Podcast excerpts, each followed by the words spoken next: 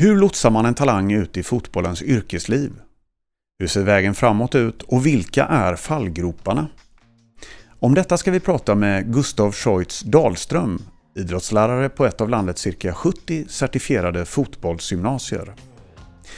Vi ska också tala med 18-årige Aymar Kär som under tre år har kombinerat gymnasiestudier med en elitkarriär i Hammarby om hur hans väg mot en full satsning på fotbollen sett ut.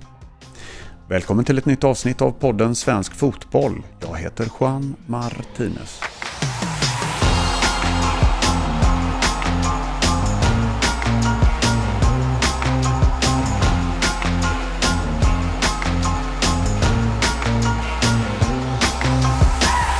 Då välkomnar vi Gustav Scheutz Dahlström till podden Svensk Fotboll. Välkommen Gustav! Tack så mycket! Du, vi sitter här i eh, södra Stockholm på Årsta bollplan säger man va? Årsta idrottsplats. Årsta idrottsplats och eh, det är full träning här i bakgrunden med Hammarbys A-lag. Precis, de är precis tillbaka från, eh, från semester med, med ny tränare och allt. Och det är soligt och det blåser en del så vi får be om ursäkt om ni hör lite biljud men förhoppningsvis Gustav så ska det här samtalet bli så intressant så att vi bortser från eventuella vindpustar i mickarna. Du eh, Gustav, vi ska prata om fotbollsutbildning och vi ska prata om hur unga spelare tar sig an att bli fotbollsspelare samtidigt som de har en massa annat i livet, bland annat en gymnasiekarriär. Och du är verksam på en av landets eh, cirka 70 nationella idrottsutbildningar, ett gymnasium här i Stockholm. Om du kort sammanfattar för alla unga och föräldrar som undrar hur utbildar man en fotbollsspelare på gymnasienivå? Hur går det till? Ja, det är en väldigt stor fråga och eh, om vi börjar väldigt kort så är det ju att få eleven att komma till träning och göra sitt bästa för att bli bättre. Eh, landslaget och Janne pratar ju om att sätta personsbästa. Eh, Wettergren pratar om att när han går ut och planerar träning att han ska göra sin bästa träning någonsin. Och det är väl där man kan, kan börja. Att skapa förutsättningar och hjälpa dem med saker runt omkring eh, för att när vi kommer innanför linjen att, att ha en miljö där, där spelarna kommer att göra sitt yttersta. Hur ser en första termin ut på utbildningen? Vi börjar oftast ettan med att arbeta med eh, med grunderna kring fotboll, även med fotboll, så att vi pratar samma språk, att vi, vi vet vad träning är och vi vet vad olika delar i träningen är. Vad vi tränar på, vad vi vill förbättra dem. Men framförallt så handlar det om att, att bygga en livsstil kring eh, träning, kring kost, kring återhämtning.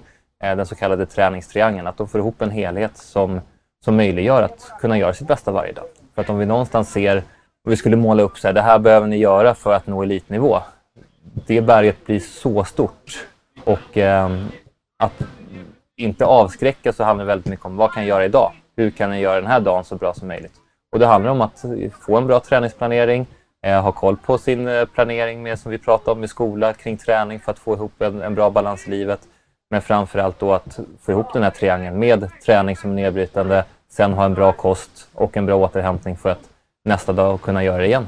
Hur sker antagningen och vad krävs för att komma in förutom själva fotbollskunnandet?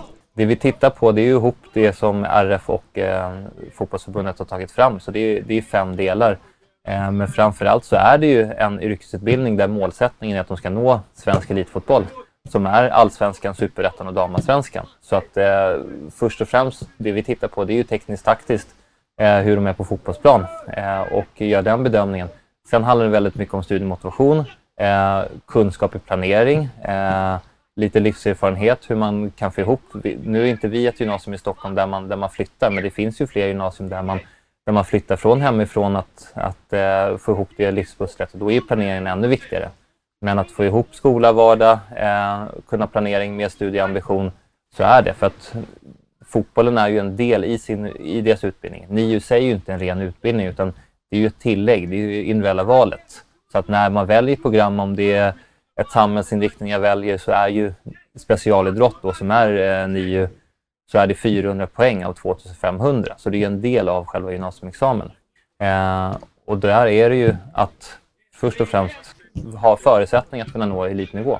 Och det är inte bara de som har kommit längst, kommit till landslag, stadslag, utan det är de vi ser har förutsättningar med en väldigt god träningsmotivation, eh, med goda förutsättningar tekniskt taktiskt att att kunna orka de här tre åren och förhoppningsvis nå så långt som möjligt under de här tre åren. Och förhoppningsvis också ge dem verktygen att fortsätta arbeta, fortsätta kämpa för att ändå nå dit de vill.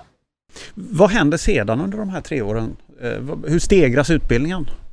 Eh, det de läser under första året så är det idrottslicering 1 som är egentligen en ren eh, fotbollskurs och den, den läser alla som går nio. Vi har ju både handboll, innebandy med mera idrotter på, på skolan och alla läser den här 1 men den är ju anpassad till fotboll och då är det ju fotbollsförbundet eh, ihop med framförallt som är ansvarig Mikael Sankala som har gjort den här inriktningen. Självklart med, med Anders Bengtsson och Ramin som, som står för utbildningen. Eh, så att vi anpassar ju det centrala innehållet i den kursen mot fotboll.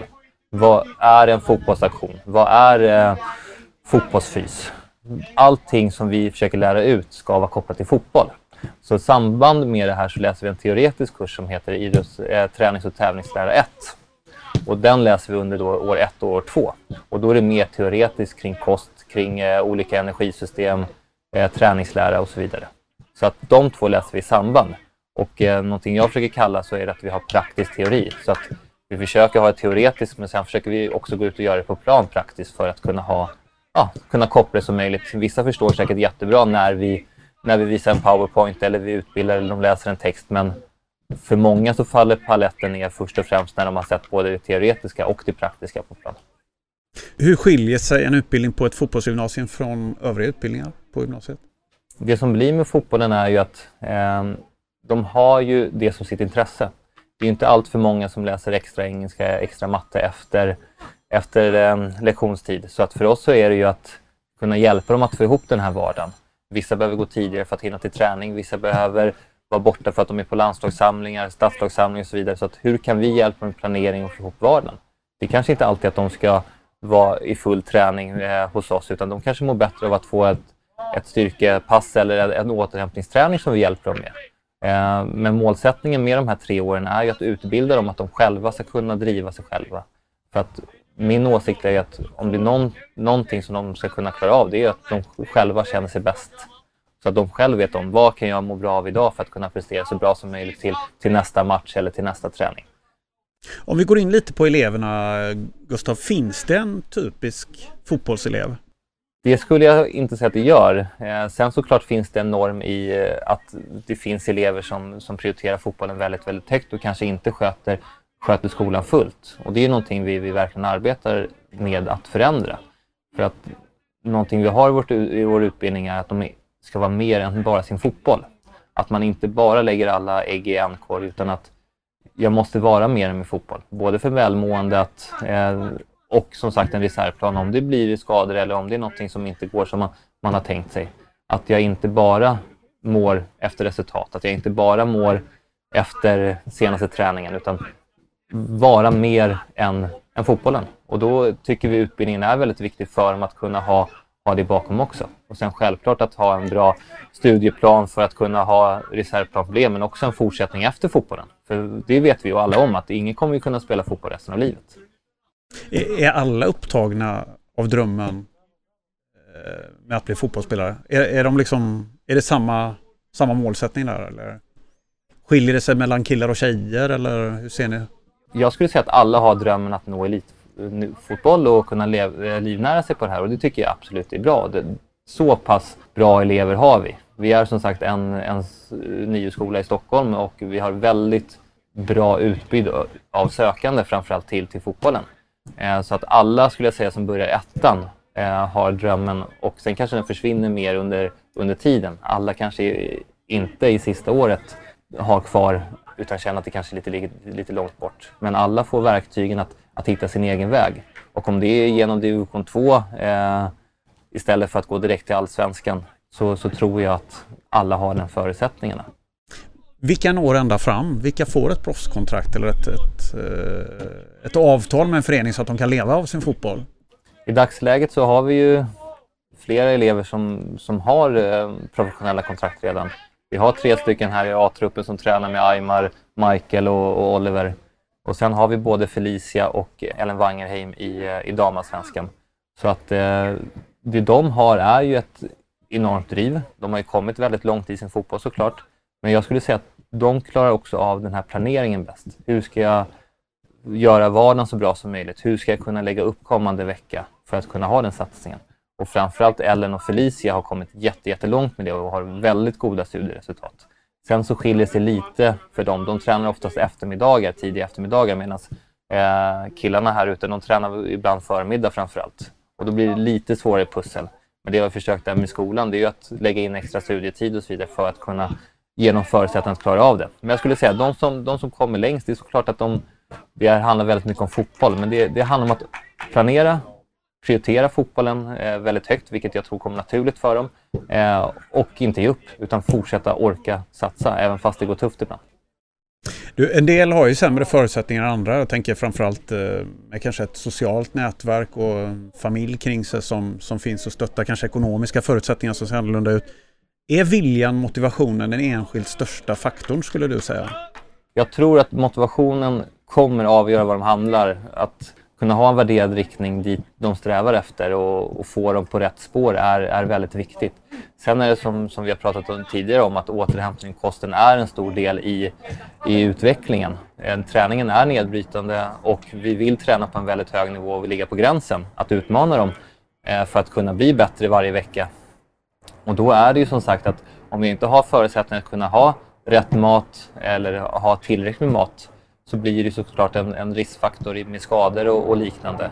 Och den stressen kan, in, tror jag, väldigt, väldigt svår att leva med. Så att det vi försöker arbeta med där är ju att försöka fånga upp dem och lära känna de här spelarna så bra som möjligt och, och veta hur, hur livssituationerna ser ut.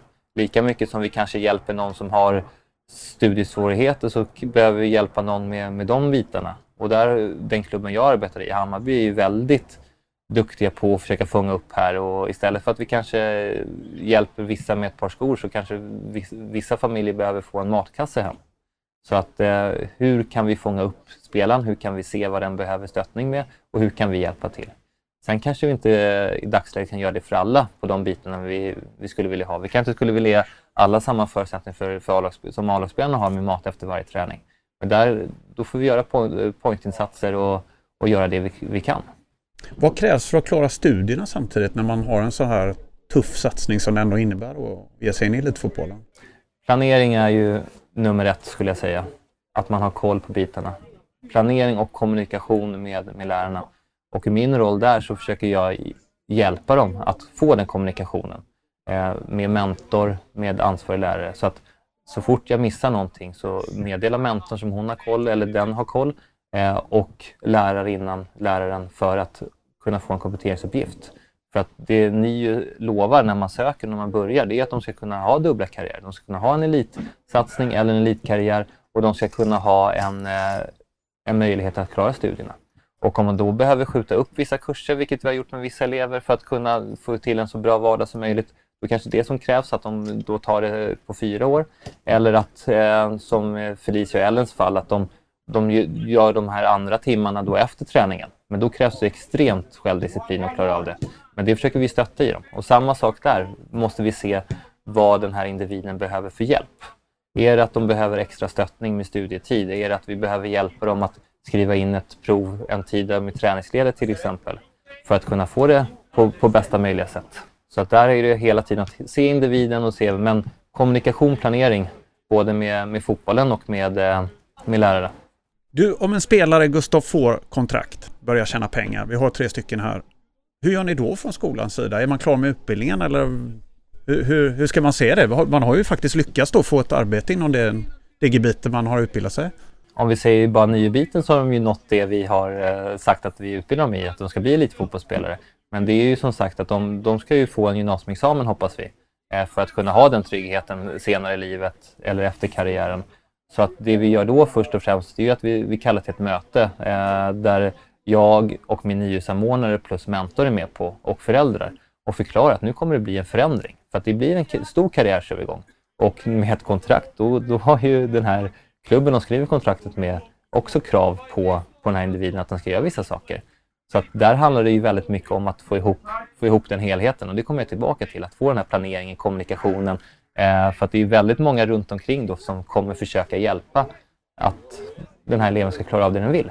Men också så att våga säga till att men just nu är det tungt, just nu är det för mycket. Att också då, men hur lägger vi upp det? Vi har en elev nu som har precis eh, tagit sommarlov från ettan som vi sköt upp två kurser till som han ska läsa under sommarlovet. Och det passar honom bättre för att han kommer spela kvar i vårt division 1-lag då under, eh, under sommaren och kan plugga mellan träningarna. Så istället för att han skulle gå in eh, och ha alldeles för tuff studiebelastning och kanske inte klara av alls lika mycket han klarade av nu, så tog vi bort det för att kunna hitta en vardag som passar honom så bra som möjligt. Men när de skriver kontrakt så är det viktigt att alla då är medvetna om karriärsövergången som sker för den här spelaren och hur ja, alla kan hitta sin roll till stöttningen. För att det är tufft. Det är väldigt svårt. Och eh, där har vi kommit ganska långt. Varken Ayman, Michael eller Oliver hoppade av skolan och de lyckades på sitt sätt. Ingen av dem kanske nådde hela vägen som en normal elev som inte har ett, ett fotbollsjobb på sidan. Men de klarade kurser och de, de lyckades på sitt sätt som vi bestämde planen för dem. Vilket är en framgång för både spelarna, vilket känner att de klarar av saker, men också för skolan att kunna ge en sån anpassning för, för de eleverna. Och sen så är det som är väldigt tacksamt i min roll när jag jobbar i Hammarby är att styrelsen har som, som eh, bestämde att elever ska klara av skolan. Skolan är viktig. Och då finns ju den från styrelsen ner till, till tränare och, och övriga eh, runt i klubben att skolan är ingenting vi, vi bara tar bort för dem utan det är någonting vi stöttar i, i deras vardag att de ska klara av. Om du ser en kille eller tjej som du inte tror kommer att nå hela vägen i, inom fotbollen eller ni får de signalerna från vederbörandes klubb. Hur gör ni då? Hon, kanske, hon eller hen, hen kanske satsar järnet ändå och fortsätter och fortsätter men ni ser att det här kommer inte leda till, till, eh, till det mål. Vi hade sådana här diskussioner uppe mycket förra året. Pandemin slog ju hårt när matcherna blev och det var ju spelare som tappade motivationen även hos oss som kanske låg på gränsen. För att det är ett steg de tar från U17 till U19 under vår, våra år. Eh, och där, där blir det ibland att man inte kanske kommer till det laget man hade hoppats på eller man är, spelar i den serien man kanske hade velat. Eh, och då, då blir det här motivationstappet kanske lite för stort. Och det vi kan erbjuda där det är att vi kan erbjuda andra kurser då inom specialidrott. Som jag sa till dig så specialidrott är ju 400 poäng. Så att det kan, vi kan göra då är att vi tar bort sista kursen som de läser i trean som är idrottsplacering 3 och kanske ger dem en ledarskapskurs eller ger dem ännu mer, om vi säger att en elev kanske är mer intresserad av att bli tränare eller bli sjukgymnast eller någon typ av att vara kvar inom idrotten, kunna ge dem tränings och tävlingslära 2 som är ännu mer teoretisk och ännu mer fördjupande. Så att, återigen, vad, hur kan vi stötta individen? Hur kan vi stötta eleven i, i det fallet? Men sen är det ju aldrig någonting vi pushar att okej, okay, vi tycker du ska, ska satsa på det här istället för vi tror inte att du kan nå utan då får vi i sådana fall försöka utbilda den eleven genom, vi arbetar mycket med något som vi kallar IUP, individuell utvecklingsplan. Så då får vi stötta dem i det momentet att okej, okay, behöver du extra stöttning i det här för att du kommer förmodligen behöva gå den här vägen genom de lägre divisionerna. Då kommer du behöva driva mycket av styrketräningen, kanske av egenträning och så vidare själv. Hur kan vi hjälpa dig med att du får en utbildning kring det? Kontra kanske Aymar och Michael Oliver som har fystränare på plats här, har gym, har mat förberett. Då kanske de behöver få en utbildning och framförallt en förståelse att det här krävs av mig för att jag ska kunna nå dit. Så att alla har ju sin väg och då, då behöver de en liten stöttning också. Och det som är så bra att vi då har, är många tränare och kan, kan ha individuella samtal med dem och se så här ser det ut. För att det finns inte en väg att nå elitfotboll. Det finns inte en väg att bli fotbollsspelare utan alla måste hitta sin egen. Då ska vi välkomna Aymar Kär, Hammarby IF, eh, som i juni gick sista terminen på Midsommarkransens gymnasium. Hur var det att gå ut ur skolan? Oh, det, det var en lättnad faktiskt. Det var det? Eh, riktigt skönt att springa ut och veta att det är sista gången man, eh, man är där inne i alla fall. Så nej, det var, det var otroligt roligt. Du Aymar, vad har fått dig att orka satsa vidare med fo på fotbollen? Vad har varit viktigast? Det är att jag tycker det är roligt. Eh, varje dag när jag kommer ner till Årsta och tränar då, då tycker jag det är roligt. Jag är motiverad. Eh, annars tror jag det, det är väldigt svårt. Sen ibland så är det såklart tuffare och då har eh, vänner och familj hjälpt mig extremt mycket. Eh, för att de vet, eh, de vet hur mycket det betyder för mig och de vill inte att en dålig period eller en liten dipp ska förstöra allting. Liksom. Så ja, jag skulle säga att det är glädjen och eh, familj och vänner. Hur, hur, har det gått att kombinera studier med en elitsatsning? Eh, I början så var det okej. Okay. Det var tufft men det funkade i alla fall. Så första och eh, andra året så... Ja, första året så hann jag i alla fall gå till skolan efter träningarna. Sen andra året med eh, corona och allt, då blev det mer distans. Eh, då blev det mycket svårare också. Men jag hann i alla fall helt okej okay med det också. Men sen i trean så har det varit väldigt tufft. För att eh, det, det, är inte, jag ska inte klaga på någonting. Tid har det funnits. Eh, folk har funnits där för mig och eh, verkligen hjälpt mig. Men eh, jag kände till slut att eh, det var alldeles för svårt att vara 100 procent, eh, alltså plugga 100 procent och satsa 100 procent på min fotboll. Så i slutet var det riktigt tufft. När bestämde du dig för att fotbollen var huvudspåret i ditt liv och ingenting annat? Alltså det, det gjorde jag väldigt tidigt. Men som sagt, jag, jag, har alltid, jag har alltid varit någon som vet att fotbollen, det, även om man ibland tror det, men det är inte hela världen, det är inte livet liksom. Och jag tror det också är en stor faktor att, eh, att det, det motiverar mig väldigt mycket för att jag vet att det viktigaste i livet är att jag mår bra, att min familj mår bra och att eh, tak över huvudet och mat på bordet. Liksom. Det, det är det viktigaste för mig och det har gjort att fotbollen har varit enklare att älska. För om, om, jag, om det var i mitt huvud att det var så att fotboll var allting och fotbollen gick lite mindre bra som det brukar göra, då, då hade det varit riktigt tufft. Vilken nytta Aymar, har du haft av att gå på en NIU-utbildning på gymnasiet? Vad har det gett dig extra som du kanske inte hade fått annars? Oh, väldigt mycket. Eh, framförallt det här motivationen som jag var på innan. Eh, lärarna där, eh, till exempel Gustav som är ny ansvarig för fotbollen. Han jobbar ju i Hammarby och ja, jag, jag vet inte hur jag ska tacka honom för att det är han som har hjälpt mig att hitta den här kombinationen med, eh, mellan skolan och fotbollen. Så den har, den har hjälpt mig ex, alltså extremt mycket. Om, om jag inte gick i den skolan som har samarbete med Hammarby då, då tror jag det hade varit mycket värre. Nu har du ett kontrakt eh, Aymar. Du har en lön av fotbollen. Kan man säga att man har lyckats då? Har du lyckats? Nej, det skulle jag inte säga. Det, det är därför man tar efter, när man har lagt skorna på hyllan och kollar bak på sin karriär. Då, då får man ställa sig den frågan till sig själv. Om du Aymar nu inte skulle kunna leva av fotbollen resten av din aktiva karriär, har du en plan B då? Ja, då, då hade jag börjat jobba, eller då började jag plugga upp mina betyg igen. För det, det, det är ju så vi har i Sverige, det är aldrig för sent med skolan. Man kan alltid plugga upp dem igen och eh, ja, det, det är så jag tänker. Fotbollen kommer jag inte kunna spela hela mitt liv men skolan kommer jag kunna plugga när jag vill. Och vad blir det då, Aymar, för yrke? Uff. Jag vet inte, kanske går efter farsans eh, fotspår, revisor kanske. Vi får hoppas att det dröjer lite Aymar. Ja, jag hoppas, hoppas. Aymar Kär, stort tack för att du tog dig tid. Tack själv, tack. Du Gustav, nålsögat är ju extremt litet om man ska vara helt ärlig. När vet man om man har lyckats? Är det man har blivit uppflyttad till A-laget, fått ett U-kontrakt, lärlingskontrakt, eh, man har blivit såld till utlandet eller några ett landslag. När, när vet man det? Det är ju upp till spelaren själv. Och vi pratade ju tidigare om värderad riktning, att man har ett mål eller vision eller ledstjärna, vad man nu vill uttrycka det som, att hit vill jag. Och vissa kanske har att jag ska bli så bra som möjligt. Vissa kanske har att jag ska spela de eh, största matcherna, jag ska vinna de största titlarna. Och då, då är det det som driver dem. Så att, att nå elitfotboll tycker jag såklart är att, eh, att man kommer till allsvenskan. Sen så när jag jobbade med, med Klasse Eriksson i landslaget så tyckte jag han uttryckte det väldigt bra att bara för att man gjort en match, gjort tre inhopp i allsvenskan så är man inte en allsvensk spelare. Utan man behöver ju spela en säsong, 20 matcher där någonstans. Så det för mig lever kvar att för att bli en ordinarie spelare i en serie, då kanske man har kommit dit. Så det är väl det jag skulle uttrycka, att man, man har gjort en hel säsong i ett lag där man har, har majoriteten av matcherna som man har deltagit i.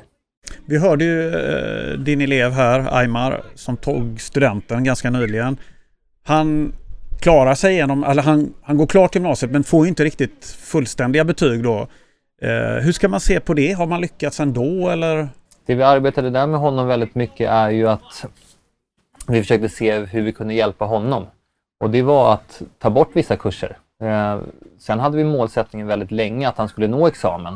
Eh, men med arma situation, med, eh, med både pandemin och så vidare så, så blev det tufft. Och istället då för att vi skulle stånga oss blodiga och, eh, och ligga kvar med den, eh, den idén så valde vi mer att hur kan vi se till att han klarar de bitarna vi bestämmer? Och då tycker jag att, att man lyckas när vi då gör det vi har, har bestämt. För att det som hade varit för mig misslyckande, det var att han hade valt att hoppa av. Att han hade valt att, att ge upp, vilket jag upplevde att han inte gjorde. Vilka är annars de största hindren, generellt sett, för att nå elitnivå? Vi har varit inne på det är ju motivationen. Motivationen är ju väldigt eh, upp och ner. Eh, och jag tror att det handlar om att kunna ha en inre drivkraft att få det här att göra dagen så bra som möjligt. Vi var inne på det tidigare att om någon skulle förklara vad Sebastian Larsson och, och de, eller de spelarna som är på landslaget nu har gått igenom, då tror jag att många skulle bli skrämda. För att det är, det är en extrem resa de har gjort. Eh, och eh, jag läste från Aftonbladet att Sebastian Larsson hade varit två år av sitt liv på landslagsuppdrag. Eh, och förklara en sån bit och allt de träningar, de motgångarna han gått igenom så blir det väldigt tufft.